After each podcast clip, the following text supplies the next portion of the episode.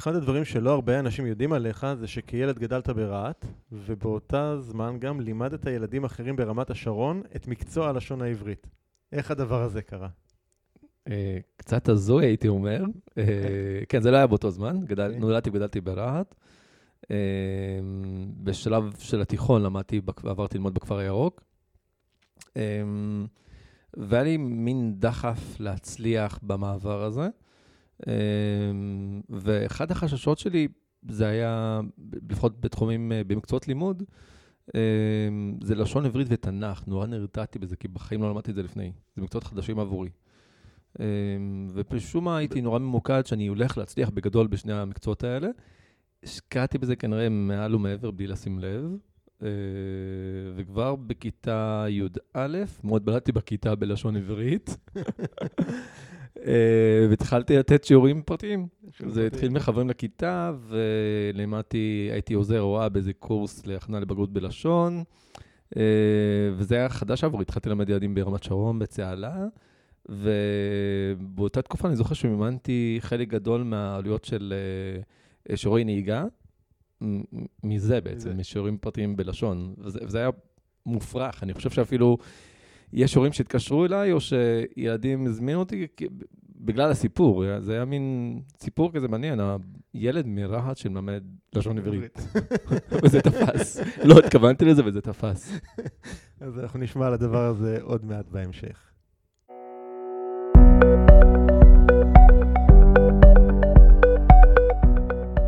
שלום וברוכים הבאים לפודקאסט כסף טוב, שיחות עם יזמים ועסקים המשנים את העולם. העסקים בעולם החדש פועלים בצורה שונה. הם מגדירים מחדש את כללי המשחק. הם מונעים מתוך תשוקה, להט וייעוד גבוה. על כל אלו ועוד תוכלו לשמוע כאן בפודקאסט כסף טוב, שבו ערן שטרן מראיין את האנשים שמפתחים עסקים שעושים טוב בעולם. פאדי אל-אוברה, מייסד ומנכ"ל שותף בטאלנטים, סטארט-אפ לקידום תעסוקה לבני דור ה-Y הערבים בסקטור הפרטי.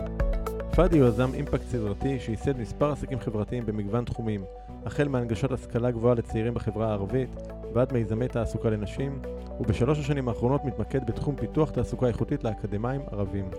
הוא זכה במספר פרסים מקומיים ובינלאומיים בתחום האימפקט, נבחר לאחד מחמישים היזמים המבטיחים של העולם לשנת 2015 מטעם ארגון Echoing Green, ונבחר על ידי גלובס לאחד מ-40 הצעירים המבטיחים מתחת לגיל 40 ב-2019. הוא בוגר תוכנית מנדל ותוכנית מעוז להכשרת מנהיגות חברתית. אהלן פאדי, היי, בוקר טוב, صباح الخير. ברוך הבא. וכמו שאמרתי לך ככה בשיחה המקדימה שלנו, זה שאחד הדברים שבאמת אה, מבחינתי הם אה, כיף גדול זה לפגוש כל הזמן אנשים שעושים דברים טובים בעולם. אז אה, מאוד שמח ככה על ההזדמנות. אותי גם משמח, ואמרתי זה שאני מקנא בך. אני מאזין לפודקאסט ואתה פוגש אנשים מעניינים, מרתקים, אז אה, כשתרצה מחליף, אני זמין. אה, כן, זהו, בינתיים אני לא, לא משחרר כל כך מהר. אה, אז אני רוצה רגע לחזור ככה, התחלנו בילדות, ואני רוצה באמת לחזור רגע לנקודה הזאת. אני תמיד אוהב, כחלק מה, מהעניין, זה מעבר לזה שמדברים על עסקים וכל הדברים האלה, אני אוהב לראות את, ה, את הבן אדם שמאחורי הסיפור, לראות קצת את המסלול של איך הוא התפתח להיות ואיך הוא הפך להיות מי שהוא הפך. אז אני רוצה להתחיל בילדות, גדלת ברהט, משפחה של שישה אחים ואחיות, ובכיתה ח' אה, אתה עובר ללמוד בקיבוץ שובל, כאילו, מה... Mm. איך, מה, זה, זה המסלול היה? כאילו, מרהט לקיבוץ שובל? איך זה עובד? אה, כן, זה, יש מין כלל ברזל בחברה הבדואית, לפחות לפני, עד לפני עשר שנים, שתלמידים טובים עם שאיפות להגיע לאקדמיה, אה, עובר, נוטשים את מערכת החינוך המקומית, שהיא בגדול כושלת, ועוברים למוסדות חינוך אחרים. הרוב המוחלט עוברים לבתי ספר קתולים באזור הגליל, Mm. חיפה וכולי.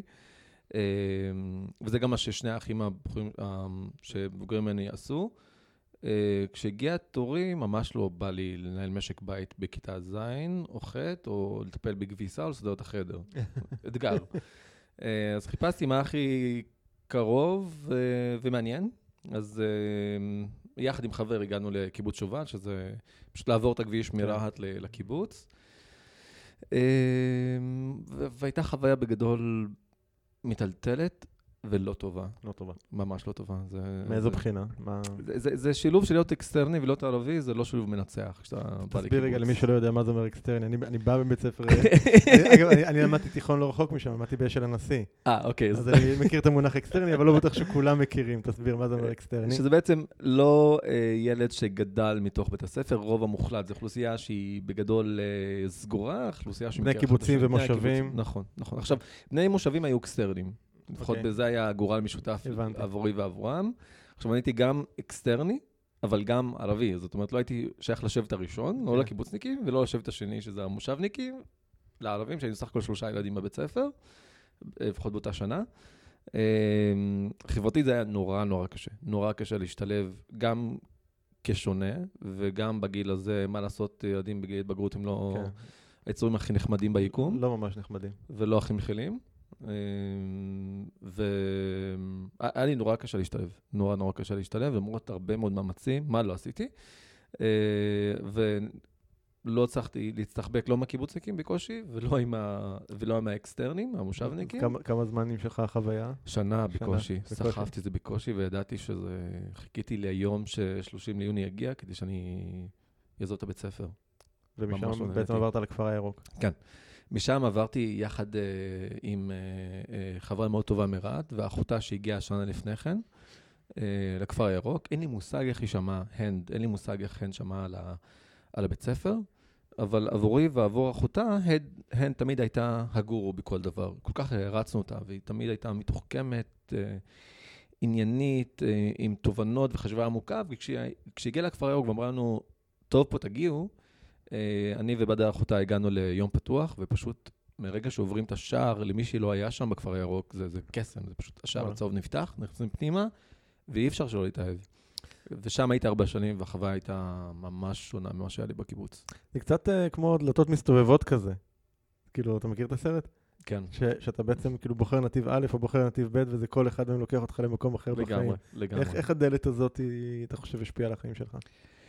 עיצבה, זה, זה אולי נש- נשמע כמו קלישה, אבל היא עיצבה לי את, ה, את, את הזהות, את התפיסה, אה, במגוון של דברים. החל מזה שאני אני סקרן ואני אוהב שונות ואני אוהב מגוון, ואני לא נרתע להיות בסביבה שהיא לא אופיינית ושהיא חדשה עבורי, אה, שזה מצד אחד, ואני אני אוהב את המעברים בין שונות. אה, אה, זה לא זר לי, זה לא מרתיע אותי.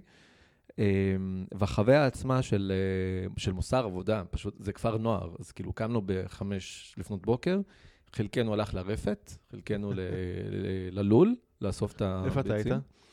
אה, בעיקר בעורבה, וכש- בעורבה. אה, אבל זה, מה שיפה בזה, שתמיד גם עזרנו אחד לשני. זאת אומרת, אם הרפתנים היו במצוקה או שמישהו החסיר, היינו גם שם. זאת אומרת, יצא לי גם לעבוד ברפת, גם בלול. אה, לצערי, גם בחדר אוכל בשטיפת כלים, שזה היה סיוט, שזה הכי פחות מעניין. תקשיב, החזרת אותי עכשיו מעל 30 שנים אחורה. גם אני בלול, אה, היה לול ודיר, זה לפחות היו ה...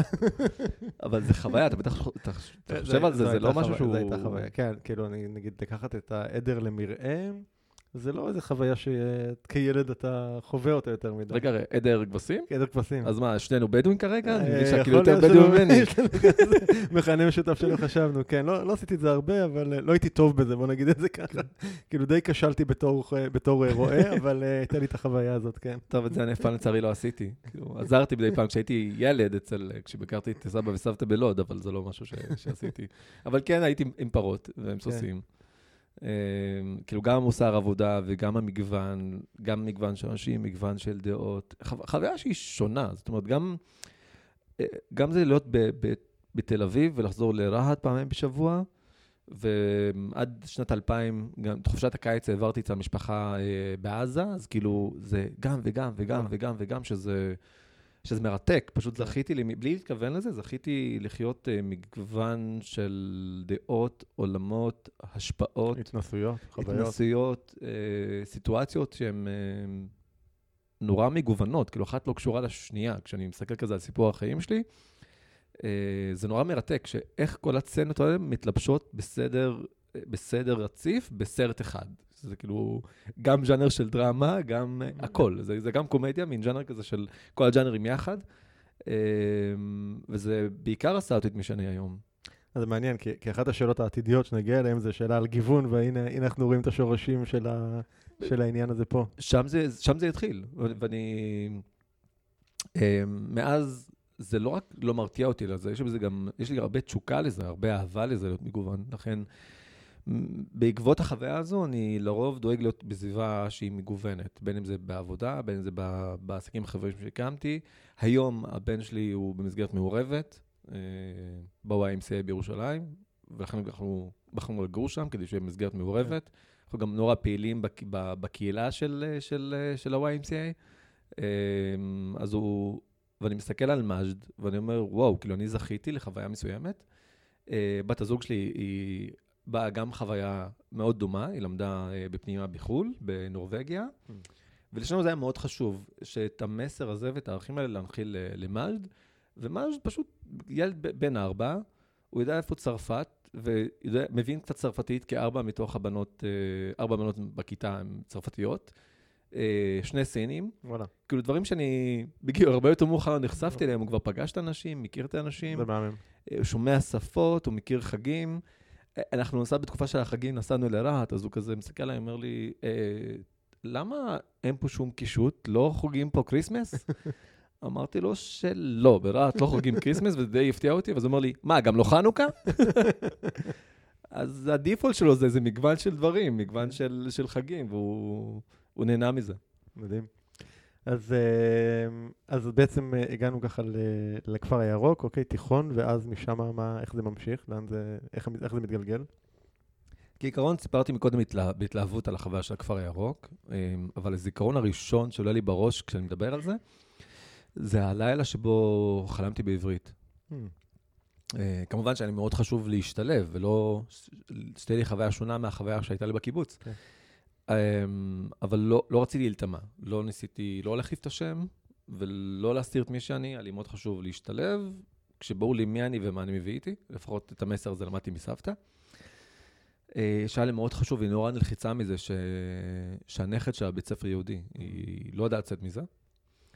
אמ, היה לי איזה לילה שחלמתי שאני מנהל שיחה בעברית שוטפת יחד איתה, עם סבתא סולטנה. וואלה.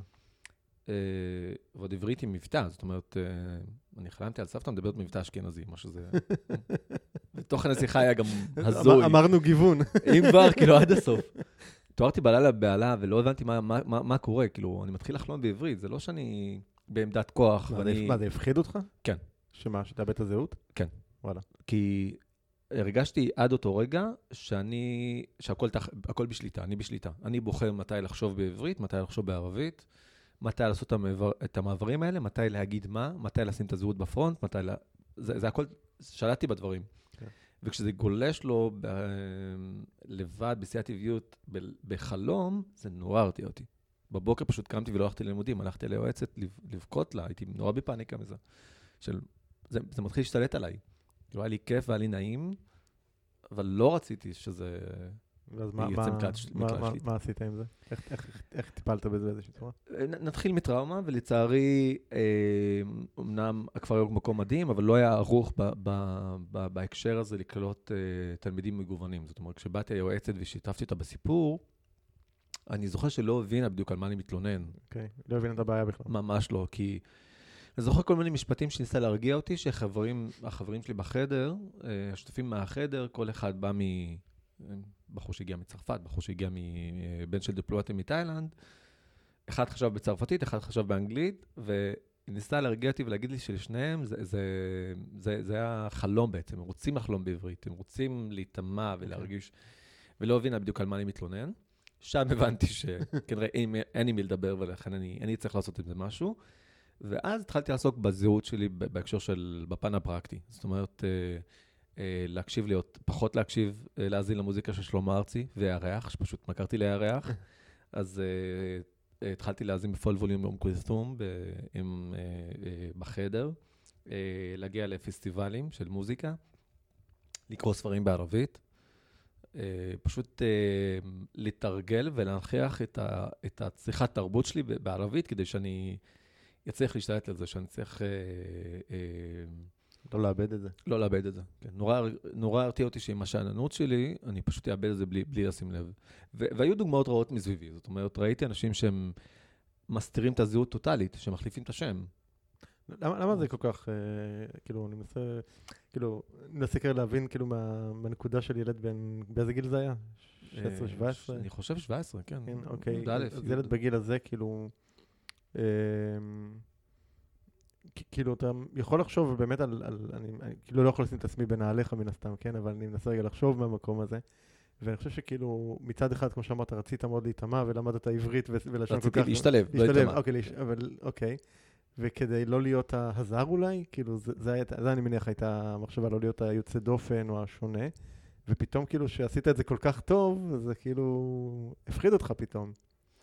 זה עניין של איזון, כי רציתי לאזן. זה כמו שלא רציתי להיות הזר, כמו שהייתי בקיבוץ, ולא רציתי להיות זה שנטמע ומשנה את השם כן. ומסתיר את הזהות שלו. כן. ושוב, היו מקרים מסביבי שראיתי אותם, של... אה, של לא להזמין, את, אה, לא להזמין את ההורים, את האימא לכפר, לכפר הירוק, כי אותה חיג'אב, אפשר לזהות שהיא, שהיא מוסלמית ושהיא ערבייה, כשאבא מגיע עם חליפה אז הכל טוב. ראיתי את, את הדוגמאות הלא טובות של זה, ולא רציתי לחיות בשקר למען האמת. אוקיי. אה, רציתי להביא את מי זה שאני. ולא לחיות בשקר. ולכן תמיד חיפשתי את האיזון בין להשתלב, להיות חלק מה, אבל מצד שני להביא את מי שאני. ו- וזה מאתגר, כי אני זוכר למשל אה, אה, פעילות תרבות למיניהם, הייתי נורא בפנים ונורא מעורב, וכל מה שקשור לתחרות בין הקבוצות, הייתי נורא מעורב בזה ונורא פעיל, וכשזה מגיע למשל אה, יום זיכרון, שנייה, זה תופס אותי, רגע, רגע, מה- מה אני אמור לעשות פה? כאילו, אני לא מתחבר לזה, זה במה, ברמה הערכית, זה לא אומר לי, לא מדבר אליי כלום, וגם לא ברמה הרגשית, אבל מצד שני, אני, אני לא רוצה לקחת בזה חלק, כי זה, זה משהו עם קשר מנטלי לאנשים שמשתתפים באירוע הזה. אין לי יכולת להתחבר לזה, אה, ולכן גם ברור לי שאני לא אקח בזה חלק. אה, וזה בדיוק הגבול הדק בין להשתלב לבין להיטמע. לעשות דברים כי אני בוחר לעשות, לבין לאלץ את עצמי לקבל דברים. שזה כאילו משהו בניגוד למה שאתה מרגיש אותו, מאמין בו. כן, וזה בניגוד למה שהתחנכתי. אוקיי. אה, היה לי כיף אה, לשלוט בלשון ובתנ"ך, ולתת שיעורים פרטיים בזה, כי אני, אני, אני שלטתי בזה, אני רציתי את זה.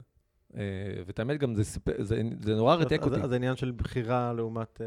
הכרח או אילוץ, כן. כן. אוקיי. כן, כן. אז בוא בוא ככה נתקדם משם, אוקיי, אתה, אתה מסיים את הלימודים, ואז אה, איך משם אתה מגיע, ותכף נגיע לזה, להיות אחד מ-40 הישראלים המבטיחים מתחת לגיל 40. אה, אז אז סיימתי. מה קרה בדרך? לא מעט. סיימתי את הלימודים בי"ב, והיה לי ברור שאני הולך להקדיש שנה מהחיים שלי כדי אה, להמשיך לעסוק בשאלות של זהות, זה נורא העסיק אותי. אה, וכשמצד שני, אה, שאני מצליח, אה, הבנתי שאני, שאני פריבילג במובן מסוים. לא כילד ברהט, מקבל את הזכות להגיע לכפר הירוק, ולהרגיש איך, איך איכות נראית, ואיך איכות בהוראה ואיכות חיים וכולי, זה, זה פשוט חוויתי את זה. אה, וגם כ, כבן, כי אחותי שהיא צעירה ממני לא זכתה לכזו אופציה. אוקיי. והרגשתי שאני, יש עליי מין סוג אז של מה, חובה. המשיכה ללמוד ברהט? כן? כן. כשהיא, אגב, שהיא הכי חכמה מבין כולנו.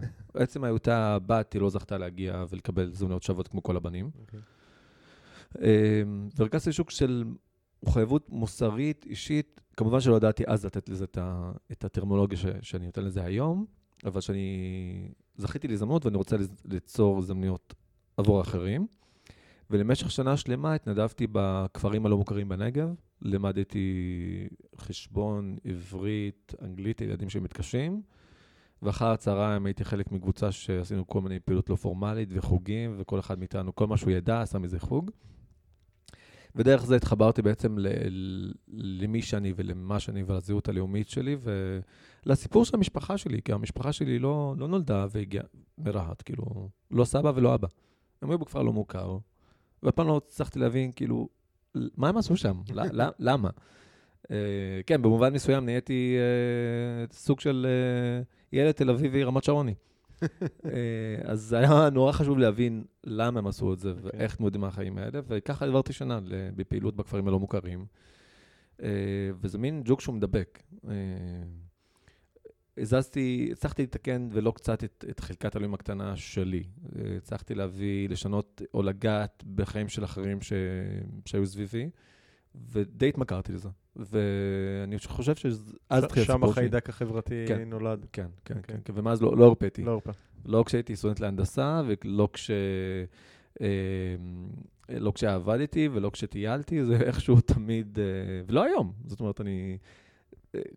זה הפך אותי להיות אה, אה, אותו יזם חברתי, אותו בן אדם שאומר, אוקיי, יש לי את ה... כנראה שיש את הכישורים, יש את היכולות, אה, ושאני יכול להשפיע, במיוחד יכולת ההשפעה, אה, וזה שזה הצליח כמה פעמים, אז למה לא? אז... אה, ובעצם משם, מה, התחלת מה לעסוק לעסקים? איך, איך הגעת לעולם עסקי? לא, משם עדיין אה, לא השתחררתי מהגבולות של אימא, אוקיי. הפולניה שלי, ושם... אה, שהסבתא פולניה, גם האמא עכשיו פולניה? לא, לא, הס- הסבתא היה לי מוזר, היא מאוד, אה, דווקא היא מאוד, אה, מאוד סבתא. וזה שהיא דיברה בעברית פולנית, זה הרתיע אותי. אבל אימא פולניה, אה, בהקשר הזה, אה, שהיא בחרה לי מה ללמוד. פשוט זו הייתה אה, אופציה אוקיי, של... אתה גם מהדבר, אתה גם באת מהמקום הזה. כן, אוף, כאילו אי אפשר להשתחרר מזה. אז אה, יש לנו פה שני דברים משותפים. טוב. אני תמיד אומר על הוריי, שהם אמרו לי, נתנו לי חופש בחירה מוחלט, הם אמרו שאני יכול ללמוד איזו הנדסה שאני רוצה, לא מגבילים אותי בכלל. עלק. כן, איזה הנדסה שאתה רוצה? איזה הנדסה כן. שאני רוצה. אה, אז, אז כן, לי אמרו רפואה, משפטים או, או הנדסה. אה, אבא שלי אז באותה תקופה היה קבלן בניין, אז די ייעדו אותי להיות המהנדס הבא של המשפחה. אה, אז מצאתי את עצמי עם מסלול כזה, שאני צריך ללמוד לפסיכומטרי ולהתקבל למחלקה להנדסת בניין בבן גוריון. שאגב, את הקורס בפסיכומטרי עשיתי אז, שנת 2003 בעברית, כי עוד לא היה שום קורס בערבית. וזה עדיין, היה לי שוב פעם מוזר של, רגע, איך זה? אז מי שיש לו שאיפות להגיע לאקדמיה, איך הוא יכול לעשות את זה בלי פסיכומטרי כן. ובלי קורס הכנה בערבית? אמ, ומשם הגעתי לפקולטה להנדסת בניין, והיה לי, עברתי שם אמ, ארבע שנים משעממות בלימודים. פשוט לא התחברתי לזה בשנייה. אה, כל כך שעמם אותי ללמוד אה, בטון ופלדה, וזה השמות של הקורסים, אגב. אה, יש-. קורס בשם בטון? לא אחד, יש שניים. בטון אחד, בטון בטון אחד, שתיים? כן, וזה משעמם, שזה עינוי, פשוט עינוי. אני מנסה לחשוב, מה- אתה יכול שנה שלמה ללמוד על בטון? כאילו, מה כבר יש לומר עליו? זה כמו מה יש לומר על, על פלדה ועל סוגי פלדה, אה, כאילו על אורגיאולוגיה, שזה לא בחלק המעניין שלה. אה, אין הרבה, וזה במיוחד איך שלומדים הנדסה בניין בארץ, לפחות איפה שלמדתי. אה, להוסיף על זה שגם רוב החישובים ידניים, זאת אומרת, כל שאלה אתה צריך לבזבז אה, כן? דפדפת. אוקיי. זה משעמם, זה פשוט משעמם, והיה לי ברור שאני לא רוצה את זה ולא יכול, אה, לא הולך לעשות מזה קריירה. אבל מה שעוד לא רכשתי אז, רכשתי הרבה מהחוצפה הישראלית, רכשתי הרבה מהתעוזה, אה, אבל לא רכשתי מספיק כנראה את ה... לצאת נגד ההורים. היה לי אוקיי. עדיין נורא נורא חשוב לפחד, לשחק לפי ה- הקודים המקומיים, לפי. הכללים, ולעמוד בציפיות. אז המשכתי עם זה עד אה, סמסטר אה, א', שנה רביעית, ואז אמרתי לעצמי, לא, לא, לא, לא, אני לא ממשיך. לא ממשיך עם זה, ממש לא. ומה, איך ההורים קיבלו את הזאת? בשוק, ותכף נתייחס לזה, פשוט גם, אוקיי. אה, תוך כדי הת- התקופה שהייתי סטודנט, הייתי, בעיקר פעיל חברתי, וגם סטודנט להנדסה. אבל עשיתי הרבה דברים שהם אוקיי. חברתיים, פוליטיים, דברים שהם עניינו אותי, ופחות מקורסי בטון. אה, ושם שם מצאתי את האהבה. אבל איכשהו התייחסתי לזה שמשהו עושים on the עוד- side. עוד לא ראית- עוד לא ראית בזה ביזנס. ממש לא, אוקיי. ממש לא. אה, גם התנדבתי וכולי, וכשלמדתי לאחד הקורסים המשעממים, אה, השנה הייתה 2007, אני חושב, אה, במקרה שמעתי על הפוגת לימודים, God bless Google, הגעתי לאיזה כתבה על מוחמד יונס והסושיאל בנק, בנגלדש, ופרס נובל לשלום, ואמרתי, רגע, רגע, איך בנק יכול להיות סושיאל? מה זה הדבר כן. הזה? והעברתי לילה לבן לקרוא, מה, מה זה העולם הזה שאני לא מכיר? כי הכרתי עולם של עסקים וחברות, עולם של עמותות, וזה שני יקומים מקבילים שבחיים ייפגשו, ותמיד יש מתח ביניהם. כן. ופתאום גיליתי שיש עולם שלם של, היום קוראים לו אימפקט, אז זה עוד היה חדש, אז... אה, אה, וככה העברתי אה, את הלילה ב- בללמוד יותר על המודל, להגיע לארגונים, הגעתי לאתר של Skoll Foundation, לאשוקה ו- ומה לא, והתחלתי להתעניין, והרגשתי של, וואו, אני מצאתי פה אהבה. יש משהו שהוא מרתק, שהוא מעניין, אה, ושהוא לא רק מגזר שלי, שלישי אה, עם גבולות השק, השפעה מאוד, אה, מאוד ברורים. הלכתי אחרי יום יומיים, עשיתי אותו מבחן, והיה לי ברור שזה הדבר האחרון שאני הולך לעשות ב, בתואר הלא מעניין הזה.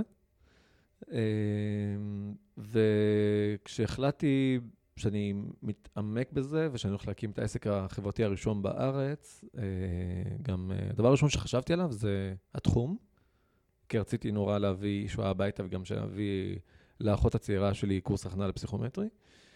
הדבר השני שחשבתי עליו זה הלוגו והשם. אה, קראתי לזה דורוס, מלשון שיעורים, חוגים, קורסים.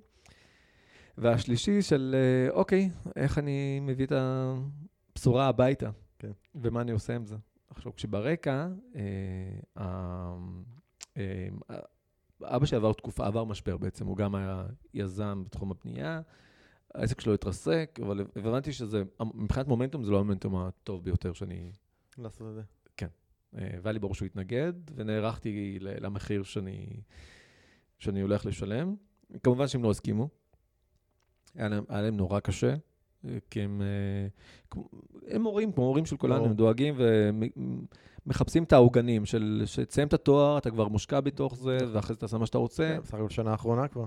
כן, אבל זה אומרים גם עלק. כי אחרי שתסיים את התואר, יגידו לך, אוקיי, כבר סיימת, אז אולי תעבוד בזה קצת, כן. אולי חלקי, אולי תשלב, ובסוף אה, חשבתי לקחתי את הפוזיציה של האמא הפולניה רגע. אמ, אז אה, הבאתם בשורה הביתה, אמרתי שאני לוקח שנה פאוזה, כמובן שבכל זאת מתוחכם, שנה, ונראה מה יהיה אחרי זה, גם אוקיי. בלי התחייבות שאני חוזר. אותה שנה עוד לא נגמרה, אבל לא חזרתי לזה, ואני לא מתכוון לחזור לזה עוד לעולם. הם נרגעו עם הקטע, כאילו, על הקטע הזה? לאבא לקח יותר זמן. אוקיי. אה, הוא קיבל את זה נורא קשה, וגם הייתה תקופה שהוא בקושי גם דיבר איתי. הוא פשוט לא, לא פספס שום הזדמנות להראות את הכעס שלו. שזה, שזה מונע ממקום של אהבה ואכפתיות, את זה אני יכול להבין, אבל uh, אני, אני מציין את זה כי בהקשר של יזם, כי יזם צריך את המעגל תמיכה, הוא צריך את הכללי ביטחון. שבעצם לא היה לך. לא, לא היה. הייתה שם התנגדות וחוסר תמיכה, והוא לקח לו זמן, ואני זוכר שהתפנית הגיעה כשהוא, uh, כשדרוס הייתה כבר בת שנה פלוס, וכשהוא התחיל לשמוע מהאנשים ברהט, כשפגשו אותו ואמרו לו שהם עד כמה שהם גאים בילד שלו, וזה okay. שהילד שלו מצליח להביא בשורה לרהט, והוא עשה, והוא אומנם צעיר, אבל מוכשר, ושהוא עזר לבנים שלהם להתק... אה, לעשות קורס פסיכומטרי, ומשם גם להתקבל לאקדמיה. הוא התחיל לשחרר לאט-לאט, וב-2009, אני חושב, זכיתי לפרס של יזם השנה של דה מרקר וקרן שמש. אז הוא נורא שמח, okay. הוא אוקיי. התמוגג. Okay. כאילו, אז היה, כנראה הוא היה זקוק לזה כן, תעודת כשרות של, כן. אוקיי, הוא יודע מה הוא עושה והוא לא, לא עושה שטויות. זה, זה, זה כנראה קטע של הורים, אני זוכר כשמשהו דומה שכשעזבתי את אינטל, אז גם הורים שלי היו בהתנגדות. זה עבר להם רק כשפעם ראשונה הוזמנתי לאיזשהו רעיון באיזה תוכנית בוקר עלומה בטלוויזיה. משנית, חסרת חשיבות בכלל, אבל עצם זה שהגעתי להיות בטלוויזיה, זה כאילו הרגיע אותם, אז אולי הוא עושה משהו בסדר. כן, לגמרי, לגמרי. וזה יצא אז גם פרסום. אני זוכר כשהיה בוויינט, הוא פשוט, אה, הוא לא איש, הוא מאותגר טכנולוגית. אוקיי. אבל אה, כל פעם שמישהו ראה לו את הפרסום בוויינט, שהוא קיבל טלפון מאחד החברים, הוא פשוט התמוגג, הוא היה כל אוקיי. כך, כל כך, כל כך שמח.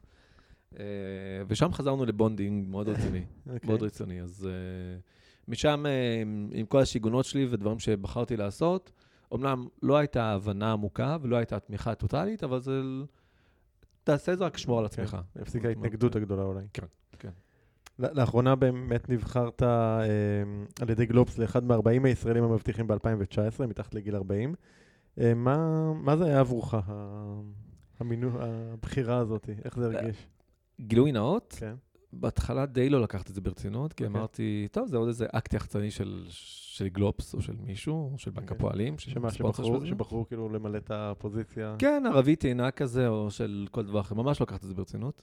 אמ, כשהגעתי לא, לאירוע, אמ, כי עשו מין אירוע השקה כן. במרכז פרס לשלום. שם התחלתי להבין. אה, וואלה, רגע, זה, זה, זה רציני העניין הזה. זה אמיתי. זה אמיתי וזה רציני, וגם פגשתי, הסתכלתי על הרשימה וראיתי מי מגיע לשם, מי הסט של מאנדיי. וואלה, הוא חתיכת מוכשר, וזה שאני איתו באותה רשימה, זה, זה נהדר. או אבי יאלו, פעיל uh, uh, מהחברה האתיופית, הוא גם חבר יקר, והוא סוג של בלדוזר שאני גם אוהב ומעריך. אז שם התחלתי להבין, כשאני עם אותם אנשים באותה רשימה, זה, זה נהדר. אמ, וכמובן, באירוע עצמו, וכשהתחלתי, ראיתי את, ה, את ההדים שזה יוצר. כשהתחלתי לקבל מיילים וטלפונים ו- ולינקדאים ולקוחות שפרגנו, אז, אז התחלתי להבין שזה הרבה מעבר לאקט יחצני. ובאותו ערב אה, ניהלתי שיחה עם הכתב הייטק של גלובס, כשהוא אמר לי, כי לא הבנתי מי, מי, איך הגיעו אליי. כן. אומרת, אז הוא שם, הוא זרק לי משהו, על uh, מי, איך הוא שמע, איך הוא שמע עליי, ועבור מה בדיוק, מה הדליק okay. אוקיי. אותם. Uh, וזה מיזם שאני מעורב בו בין, בין צוות המייסדים, בוטקאם לשילוב uh, צעירים וצעירות מהחברה הבדואית בתעשיית ההייטק בבאר שבע uh, והדרום. שזה עוד פרויקט שהוא עוד לא בן שנה. הוא ראשוני, ואני בקושי מדבר עליו כי עוד לא צריך להוכיח הצלחות בהשמות, אלא ברתימה של חברות אה, עסקיות ובהכשרה של אנשים, אז זה עוד לא שם, זה עוד לא יצא כן. מהארון. מוקדם מדי. כן, אבל כשהוא אמר לי בעצם, כשזה בהקשר הזה ושל המעורבות הזו, זה, זה הדליק אותי, הבנתי של, אוקיי, כנראה שזה, אם יודעים את הסודות הקטנים, אז כנראה שזה הרבה מעבר כן, לאקט יחצני. הם עשו עבודה שיעורי בית. כן, כן, כן. באותו, אה, קראתי את הדף פרופיל שם באתר של גלובס על, על כל אחד מהאנשים, ויש את הדף עליך, אז כתוב שמה שאתה הולך בעקבות הכעס. Mm-hmm. על מי אתה כועס? טוב, כילד הייתי תמיד כועס וביקורתי, אה, אבל אה, בעקבות החוויה בכפר הירוק, וכשחזרתי לנתבות בחברה הבדואית, אה, נורא נורא מטריד אותי ומעסיק אותי העניין של אה, הפערים בינינו. אה, כילד, וואלה, לא הייתי אמור לעזוב את רהט ולעבור לקיבוץ שובל רק כדי לקבל אה, תעודת בגרות איכותית או חינוך איכותי. אותה הזדמנות בעצם ללמוד באקדמיה. כן. כאילו, זו השאיפה שלי, שהיא מאוד בנאלית, להגיע לאקדמיה. Mm-hmm. אז המחיר הגבוה מדי. Uh, והתחלתי פשוט, אני, אני רואה את זה, פערים לא נתפסים בינינו, ששנינו וכולנו אזרחי אותה מדינה, משלמים אותם מיסים, uh, אוהבים את החלקת אלוהים הקטנה הזו, ובכל זאת, איכשהו תסתכל על זה, יש, וזה לא מקרי, uh, פערים סוציו-אקונומיים מטורפים בינינו, הם, הם, הם, הם לא, ממש לא נתפסים ונורא מתסכלים אותי. פגשתי את זה ב, בשלב של התיכון, פגשתי את זה באקדמיה, פגשתי את זה כשניסיתי לקבל למקומות עבודה. אה, אני פוגש את זה היום כהורה ומסגרות חינוך לילד, ומה קורה לאחר מכן. אה, זה לא מציאות שאני, שאני מסוגל אה, לקבל ולהשלים איתה.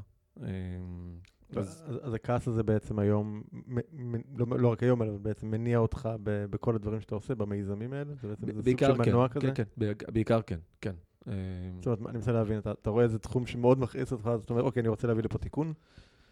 זה או תחום או, או, או מקרה מסוים. אמ, תתן לי איזה דוגמה, נגיד, אחד המיזמים שנולד מתוך כעס כזה. אמ, עבדתי תקופה, ניהלתי מחלקה לפיתוח כלכלי בארגון חברתי גדול בנגב. אה, הם הפעילו קייטרינג לנשים חד-הוריות, וכשבאתי, עוד למדתי את התפקיד, אז באתי אמ, לפגוש את אותן אימהות חד-הוריות שעבדו בזה, במפעל. אה, והם סיפרו לי על, על המחיר שנאלצות לשלם כדי לעבוד. כדי להתפרנס בכבוד, כדי להביא כסף הביתה וכדי לאמן את הלימודים של הבנים. אה, אימא של פאדי, עם פאדי, סיפרה לי שהחלום שלה ושל הבן שלה, פאדי, שילמד רפואה בגרמניה. והיא ידעה במה זה כרוך. וכשהיא סיפרה לי עם דמעות ובהתרגשות, שזה... ואגב, אימא שלא יודעת קרוא וכתוב. אז כשאימא חד-הורית, מכפר לא מוכר בנגב, מתחילה לספר על החלומות והתשוקות שלה ועל הרצון לספק להגשים לבן את החלום. זה, זה הדליק אותי. אז היה לי ברור שבאותו רגע שאני נרתם ואני מביא את כל כולי לתוך זה כדי לעזור לה ועוד אחרות להגשים את החלומות שלהם ושל אחרים ולעזור להם בלפתח את, ה, את, ה, את העסק ולהרחיב אותו וליצור הרבה יותר אימפקט. זה נורא הדליק אותי והרגשתי הרבה מחויבות. אז זה לא עבודה שמסיימים את היום העבודה בארבע וזה משתחרר. אני כן. פשוט, זה ג'וק שהוא מדבק, אני ממשיך לחשוב על זה ולחשוב על זה. ו... אה, בלילה וגם ביום, ואני כל הזמן מתעסק עם זה, וזה גרם לי, גרם להיות ממש ממש מחובר, אה, ולהיות כל כולי בפנים, ולהשקיע את כל כולי כדי לעזור להם בלפתח את, ה, את הקייטרינג הזה. אה, מקרים אחרים, אה, מה שאני עושה עכשיו באקדמיה, אה, סליחה, עם השילוב של אה, טאלנטים אקדמיים מהחברה הערבית בתעסוקה, אה, זה אומנם טייטל נחמד, טאלנטים. זה החברים שלי. כשאני רואה חבר'ה מוכשרים בטירוף, שהצליחו לסיים אה, תארים במוסדות יוקרתיים בממוצעים גבוהים, גם תואר ראשון, גם תואר שני, ובסוף הם לא מצליחים להתקבל למקומות עבודה, זה מכעיס אותי. למה, למה היינו מצליחים? מה, מה הבעיה שם? איפה... אם כבר נכנסנו לזה. אמ, אני רק אציין שאני, אין לי את כל התשובות, אני לא חקרתי את זה, אני, אני יזם, אז העמקתי בזה איפה שאני יכול, והעברתי שנה שלמה בלהבין איפה הקושי. פגשתי גם מועמדים וגם מעסיקים, וגם פעילים בתחום. אמ, אני, יכול, אני חושב שהבעיה היא אמ, מחולקת לשני קטגוריות. הראשונה, שקשורה במועמדים, אה, ובזה שאנחנו לא יודעים לשחק את המשחק בחברה הערבית. לא בשיווק עצמי ולא בנטוורקינג ולא בחברה... ב... בחברה... את המשחק של החברה הישראלית. כן, כי זה. כן. בסוף אותו שוק עבודה. כן. כשיש משרה פתוחה באינטל, אני ואתה נתחרה עליה ראש בראש. כן. אז מי שיביא את כל כל ואת כל הכישורים שלו, הוא יזכה. במשרה. אמ, לך יש פורטה הרבה יותר אה, גדול ממני. מן הסתם, אני מעורה בתרבות, אני עם שפה, חברים, קשרים. מן הסתם הזה, בדיוק זה, זה כל הסיפור. כן. אתה גם תדע, אתה תבוא ל, ל, לתהליך הזה הרבה יותר קרוב, הרבה יותר מוכן, כי סביר להניח נעזרת במישהו, או שעובד באותו ארגון, או שעבד בארגון דומה, כן. הוא הכין אותך למה מחכה לך, לתהליך גיוס, מי אתה הולך לפגוש, אפילו לסביבת העבודה עצמה, מה הולכים לשאול אותך, עוד, אתה יודע מה, עוד לפני כן. אה, כשרציתי להתגייס, עברת סדרה של מבחני מיון. אה, סביר להניח גם כשהיית בארגון נוער כזה או אחר, חיית בכזו סביבה של אה, או מיונים או אה, השתלבות בארגון, אז כל החוויות האלה יחד, הם תרמו לך, לי אין אותם. Okay. אוקיי. אה, ולכן, נוסף על השפה ועל המנטליות, יש לך סט שאין לי אותו. אתה תדע להתראיין הרבה יותר טוב ממני, אתה תדע להרשים הרבה יותר טוב ממני, ולהוסיף לזה גם את, ה, את הגיבנת של ההצטנעות. כחברה מסורתית, בחברה הערבית חובה להצטנע. אוקיי. לא מדבר על הצלחות. קטע תרבותי. כן. דיברת מקודם על הכתבה שלי גלובס. אני חושב שההורים שלי עוד לא ראו אותה אפילו. אני, אני לא הבאתי את זה הביתה. וואלה. כמו שלא הבאתי את הסיפור של אקרון גרין, וגם לא הבאתי את הזכייה, גם אז עם, אה, עם, אה, עם אה, מרקר. דוד קיבל את זה, ואז העביר את זה לאבא. אמ, זה, זה, זה, זה קודים שונים לגמרי, זה קודים ממש ממש שונים של בעיקר צנעות, לא ליחצן הצלחות. אז, אז איך, איך, איך אתם מנסים לפתור את זה בעצם? זו בעיה די uh, נשמעת uh, אקוטית. Uh, נכון, uh, מה שעושים בטאלנטים... עוד, לא דיברנו על הצד של המעסיקים בכלל, אבל כאילו... תכף נגיע לזה, ואז... נסבך את זה עוד יותר. כן, כן. Uh, אני לומד איך לעשות את זה. Uh, זכיתי לשותפה מדהימה שמביאה איתה הרבה שנות ניסיון, עסקי ובכלל, uh, דבורה מקסיק, שכבר כשהקמנו טאלנטים, הייתה עם 35 שנות ניסיון בתחום של HR, גם בארגונים גדולים וחברות ייעוץ. אז אני מסתכל על זה דרך העיניים שלה, איך נכון לעשות את זה. אה, ואנחנו מלמד, עוזרים לאנשים ללמד אותם של איך, איך לעשות את זה, איך לשחק את המשחק. החל מהדברים הנורא בסיסיים, קורות חיים, איך כותבים, איך מספרים את הסיפור האחרת, איך עוזרים לאותו רקרוטר בצד השני להבין את הסיפור חיים, להבין, לדעת יותר על הכישורים ועל היכולות. ועצם זה שלמדת בשפה שהיא לא שפת אם שלך, שכולה פגשת יהודי, אם אתה מגיע מהחברה הערבית, פגשת יהודי במקרה הטוב בגיל 18 בקמפוס, ותוך ארבע שנים שניכם סיימתם תואר ואתה עם אה, תואר בהצטיינות, זה אומר הרבה עליך, אבל קשור ללימודי, הלימודים שלך. זה משהו שצריך לציין אותו, כדי להראות למעסיק שיש לי יכולות ממש ממש מצוינות ויש לי עקומת למידה מטורפת. אמ, ואיך להתראיין טלפונית ואיך להתראיין פרונטלית. ואיך לענות על, על שאלות שגם... זה לא אזור נוחות של אף אחד מאיתנו, אבל כשזה זר לנו, בעצם הסטינג הזה נורא זר למועמד ערבי, זה עושה את זה הרבה יותר קשה, של uh, לנהל, איך לנהל תהליך גיוס, okay. אוקיי. ובכלל, כשמגיעים לחלק של uh, שאלות uh, רעיון מנכ"ל ומשא ומתן על שכר, לאנשים לרוב אין את הידע איך לעשות את זה ואין עם מי להתייעץ. כמו שאני כיזם, לא היה לי במי להיעזר ולהתייעץ במשפחה. אתם בעצם נותנים להם את התמיכה הזאת. את הכל, A to Z, את כל השירות, החל מ... תחשוב קריירה, תפתח קריירה, מה התוכנית עבודה שלך, איך לעשות את זה, למי לפנות ואיך.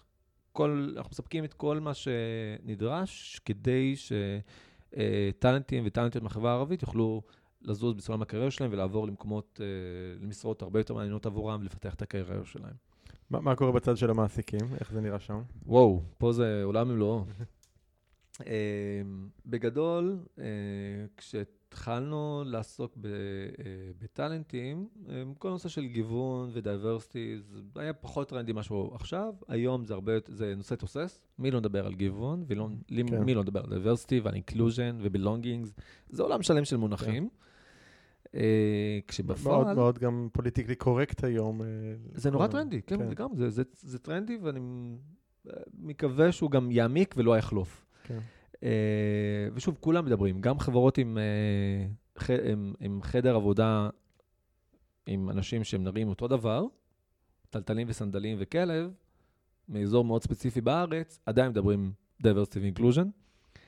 אה, אבל מה שאני יכול להגיד שבעיקר השוק עוד לא, עוד לא בשל. הוא מדבר על, פחות עוסק ב. Okay. אוקיי.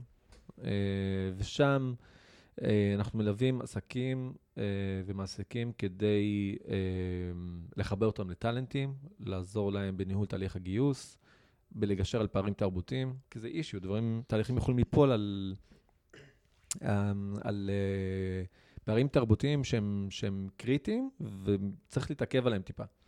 אה, ולהנגיש להם אה, ערוצי גיוס וללוות אותם ולטפל להם בצד של מיתוג מעסיק. אה, כי כן, מעסיק סטארט-אפ מוביל שלא מעסיק אף ערבי, הוא לא יצטרך לגייס את הערבי הראשון, כי כן. ב mindset שלנו הוא לא מכיל, הוא, הוא לא מעסיק, הוא לא מעוניין להעסיק, וזה לא מקרי, כי דוח שנעשה על ידי משרד העבודה ועמותת Start-Up Nation Central ל-2018, הראה ששני שליש מחברות הייטק הישראליות לא מעסיקות אפילו עובד ערבי אחד. Mm. אפילו אחד. תראה, אני זוכר כש, כשעבדתי באינטל, אז um, אחד הדברים באמת המאוד מהותיים באינטל, של כל תהליך הגיוס, המנהלים מובילים אותו. זאת אומרת, HR עוזרים, אבל מנהלים מראיין, כאילו אתה מאוד מאוד מאוד מעורב בתהליך הגיוס, ויצא לי לעשות באמת עשרות ראיונות, גייסתי המון עובדים בשנים שעבדתי שם. ואחת ההטיות שהיו מדברים איתם עלינו, כאילו, שאתם מלמדים אותך, זה שאתה... בסופו של דבר יש לנו נטייה אנושית, מן הסתם, מאוד טבעית לגייס אנשים שדומים לנו. נכון מאוד. ואני חושב שאחד הדברים ה... היפים בחברה, או, או זה שאתה יכול, זה הגיוון, כי אם כולם בסוף יהיו באותו שטאנץ, אז אתה, אתה, אתה, אתה, אתה, לא, לא, אתה מאוד מגביל את היכולות שלך כארגון. וזה מאוד, כאילו, מובן מה שאתה מתאר סטטיסטית, כאילו, זה, זה, זה מאותו מקום מגיע, אני חושב. והגעת מארגון שהוא התעכב על זה, חקר את זה, הבין את זה, נערך לזה, וזה לא מקרה, אינטל היא אחד המעסיקים המועדפים כן. אה, על ידי אה, טאלנטים בחברה הערבית. אה, התאמצו בזה, כאילו, הם פתחו את הדלת כן. עוד מ-84. נכון. אה, שלושה מהנדסים ראשונים. אה, השתלבו באינטל, ועכשיו כל אחד נמצא בעמדת מפתח אחרת. החל מזיאד חנה, שהוא היום מנהל את הפיתוח של Cadence בארץ, אה, ועוד אחרים. אז הם, הם השקיעו בזה, ווואלה, הם נהנים מזה. אה, הם נהנים מזה של, כשמדברים על המחסור בהייטק, ומעסיקים מתאמצים כל כך, כל כך, כל כך הרבה לקלוט ולהתחרות על טאלנטים, יש מישהו ששוכב על, נח על, על היד מה שאומרים את זה ככה, נכון? כן, אני לא, לא יודע אם הם נחים, עובדים בזה קשה, אתה יודע. טוב, אז אולי... לא, לא יודע אם באמת נחים. זה פדיחה אם טעיתי במונח בלשון. לא, המונח הוא נכון, נחים על זרי הדפנה זה כן. לא, אני אמרתי, התכוונתי שהם לא, שלא בטח שבאינטל באמת נחים בזה, הם עובדים בזה. הם עדיין, נכון, נכון, אבל לוקחים את זה, הם מקדימים את כולם. נכון, מדברים כרגע על inclusion, מדברים על belongingness, ולא נכון. על אה, לקלוט הערבי הראשון לחברה, כן. ומה לעשות בקריסמס, ומה לעשות כשהוא צם ברמדאן. הם הרבה מעבר, הם כן. בשלב אחר. פשוט התחילו הרבה מאוד, הרבה, הרבה יותר מוקדם מכולם. נכון, כן. נכון, הם נהנים מזה, והם אה, אחד המעסיקים המועדפים, הם מקבלים אפליקיישנס בלי, בלי בעיה ממועמדים, כשאחרים אומרים, פרסמנו ולא קיבלנו כלום, מחפשים את המועמדים ואין אותם. לאינטל אין את האתגר הזה לרוב. Okay. אמ, אבל מה שמעניין בזה שאותם מעסיקים, אמ, ניקח, נתמקד שנייה בסטאר, בתעשייה של ההייטק והסטארט-אפים, הם רובם או חברות גלובליות, או עם שאיפות להיות חברות גלובליות. הייתי במטה של אחת החברות במנהטן, זה מרתק לראות את זה. מגוון הצבעים, זה, זה גם, זה מה שמייחד אותו, אותה חברה. הם, כן. הם יוניקורן והפכו להיות יוניקורן מוביל, והרבה מזה בזכות הגיוון. בין אם זה בפיתוח, בין אם זה בסיילס, מגוון של אנשים, מגוון תרבויות, אה, וזה גם משפיע מאוד על המוצר שלהם. בארץ אין את המגוון הזה. הייתי במשרדים בארץ, אה, אז לא, לא שמעתי, לא שמעתי ערבית, זה גם לא, לא מגוון של צבעי עור, זה, זה, זה, זה אישיו. זה, זה, איך זה שמצד אחד נהנים מגלובליות כשמדברים, אה, סליחה, נהנים מגיוון כשמדברים אה, גלובליות, מתעלמים מגיוון כשמדברים לוקאליות. אוקיי. זה, זה, זה מתח כזה שאני לא מצליח להבין. מכעיס אותך. כן, אני לא מצליח להבין את זה, וגם אה, אני לא מצליח להבין איזה פספוס יש בזה. מצד אחד, עסק רואה את, ה, אה, את הערכים שזה מייצר לו במקום אחד בעולם, ומתעלם לגמרי מהערכים שזה יכול לייצר לו במקום אחר בעולם, שזה פה. כן. אה, אז חזרה לאותו כעס, כשראיתי שהחברים שלי לא מצליחים להתקבל, לא מצליחים לפתח קריירה, החברים הערבים, כשמולם חברים יהודים שהם מוכשרים לא פחות, הם נוסקים, כל אחד עושה תפקיד אחר הרבה יותר מרתק ומילניאנס לכל דבר ועניין. הם מחפשים עניין, מחפשים כן. ערך, משמעות. זזים, משמעות. ואני ממשיך, כל הזמן אני, אני, אני תולעת, אני קורא הרבה על מחקרים ועל מילניאנס ועל אה, אה, שוק העבודה העתידי וכולי. זה דברים שהם לא נכונים לנו. כשאני אומר, אוקיי, זה... ח- חקרו אוכלוסייה מסוימת, מספרים את הסיפור של אוכלוסייה מסוימת, שזה נכון לה, זה לא נכון למועמד ערבי. אוקיי. אה, זה לא המציאות עבור 60 אלף אקדמאים ערבים, זה חתיכת מספר. 60 אלף אקדמאים ערבים, בוגרי מקצועות רלוונטיים למשק, בוגרי אה, מוסדות בארץ, מוסדות לימוד בארץ, שהם לא מצליחים לפתח קריירה. או שהם לא עובדים במשרות שמתאימות אה, לכישורים ולתואר שהם רכשו. כאילו הם התפשרו. אה, אני עבדתי ב call center של אחת החברות כשהייתי סטודנט. אז ישב מימין שלי בעמדה בוגר הנדסת מכונות תואר שני בבן גוריון. מהצד השני בוגר מערכות מידע. אחד מהם הוא עדיין באותה עבודה. הוא לא... לא צריך לצאת מזה. אז uh, כדי רק לתקן את זה, זה לא סיפור בודד. כן. Um, בחברה הערבית זה, זה משהו מאוד נוכח, שאנשים שלא רכשו מקצוע בטוח, כמו ב, uh, בתחום הבריאות הציבורית, כן, מי שלמד uh, סיעוד, התקבל לעבודה בסיעוד, מי שלמד רפואה, התקבל להיות רופא. וכולנו חווים את זה, אנחנו מכירים לא רק את סלמה כרוקחת ערבייה, נכון. רוכשים, גם רוקחים רוקחות ברמת אביב ובכל מקום. נכון.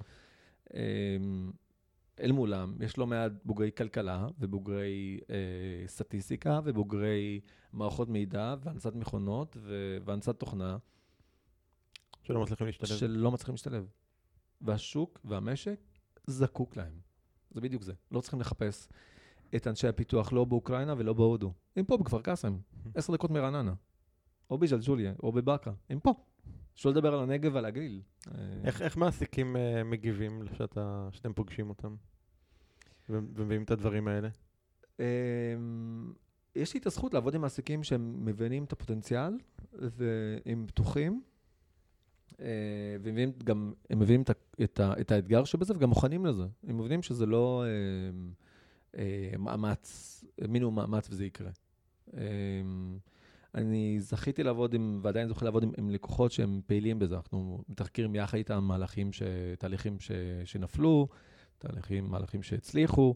עם רובם משתפים פעולה בצורה נהדרת, אה, בלתת פידבק, בלתת חוות דעת עמוקה יותר על, על מועמד ולשתף איתנו פעולה כדי לגרום לזה לקרות. אנחנו אה, לא חברת השמה של שגר ושלח, אה, ואנחנו לא פה רק כדי לעשות טוב, אנחנו פה כדי אה, ליצור את הווין ווין הזה עבור, עבור מעסיקים. אז יש, וזה כמובן רמות מעורבות מאוד שונה, יש גם מעסיקים שמדברים איתנו על אה, גל המשרות והתפקידים שהם הולכים לפתוח, שהם בתוכניות, כדי שניערך כבר ונתחיל לאתר ולמיין מועמדים שהם מוכנים להגיב. יש מועמדים שפעילים, לוקחים חלק בהכנה של המועמדים. כאילו? אה, את- הדור הבא כאילו?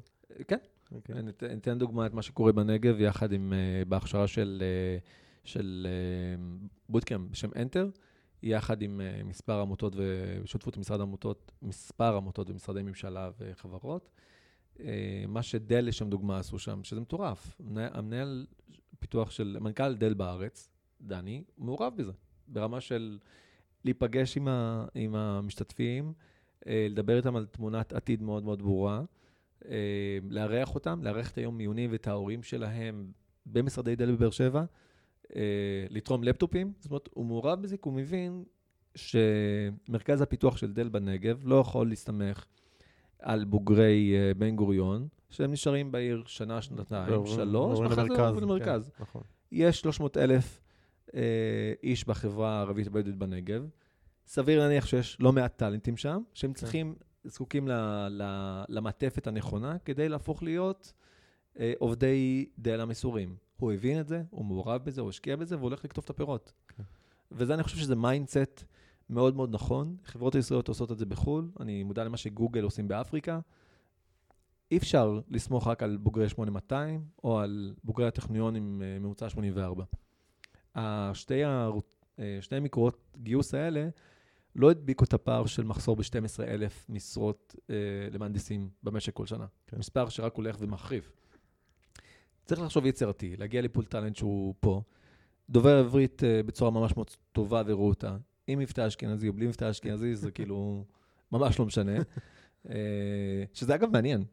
כשעובדים, כשמדברים עברית במבטא צרפתי זה נחמד וקליט, וכשמדברים עברית במבטא אמריקאי הכל סבבה, וכשמדברים עברית במבטא ערבי זה פתאום אישיו. אישיו, אוקיי. אה, שזה כאילו קובע אם העובד הוא עובד פוטנציאלי, עובד טוב או לא. אה, פה, זה כבר נכנס ל... אתה יודע, ליסודות הסכסוך אולי, לך תבין, כן? נכון, ואת זה אני לא בא לפתור. כן. כרגע יש לנו win-win situation של מחסור בטאלנטס, טאלנטים שקיימים בחברה הערבית. אה, הרבה קרבה, אין הר- הרבה קר- קרבה מנטלית, הרבה רצון לעב- לעבוד יחד. אה, ואני חושב שאם כבר הסכסוך, אז אה, אם יש איזו תובנה עמוקה, שכנראה אף אחד, אף אחד מאיתנו לא, לא הולך לזוז מפה. כן.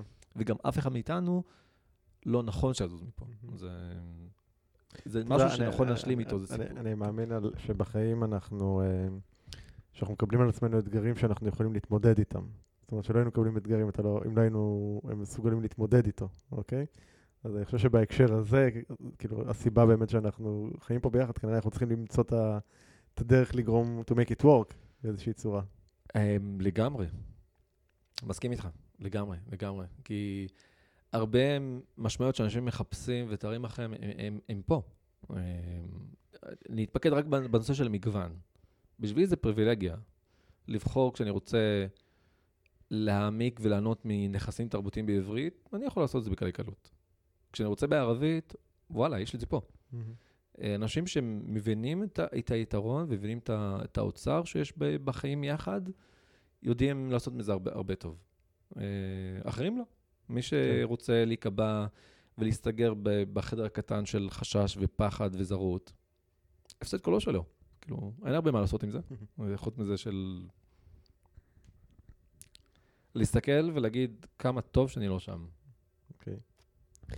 אני אמ, רוצה לדבר קצת ככה על ה... בגלל שעשית הרבה מאוד דברים, אחד הדברים שככה עלו בתחקיר שעשינו זה שגם אה, נכשלת לו בלא מעט. וואו. כן. בעצם העסק הראשון, נתחיל איתו רגע, העסק הראשון של לבטם, באמת הרשת מרכזי למידה לבגרות בפסיכומטרי, נכשל. כן, בגל השת- הראשון, מה כן. השתבש? אמ, טוב, זה, זה הפרויקט שלי אה, כשאני אפרוש, כי אני, יש לי את השם לספר הבא, זה אוקיי. כל טעות אפשרית של יזם. אוקיי. כל טעות אפשרית שאפשר לחשוב עליה עשיתי. החל מההתעקשות של... מיצית את זה או שיש עוד טעויות שעוד לא... שאתה עוד לא, עובד- יש- עוד- עוד עובד עליהן? אה, יש עוד מלא טעויות, אבל לשמחתי טעויות חדשות, אני משתדל לא לעשות אותה טעות פעמיים, אוקיי. לפחות בחיים המקצועיים ובעסקים. אה, עם ההורות זה כבר סיפור אחר, אני... מה שזה עושה לי בית ספר ומתחיל לפשל שם.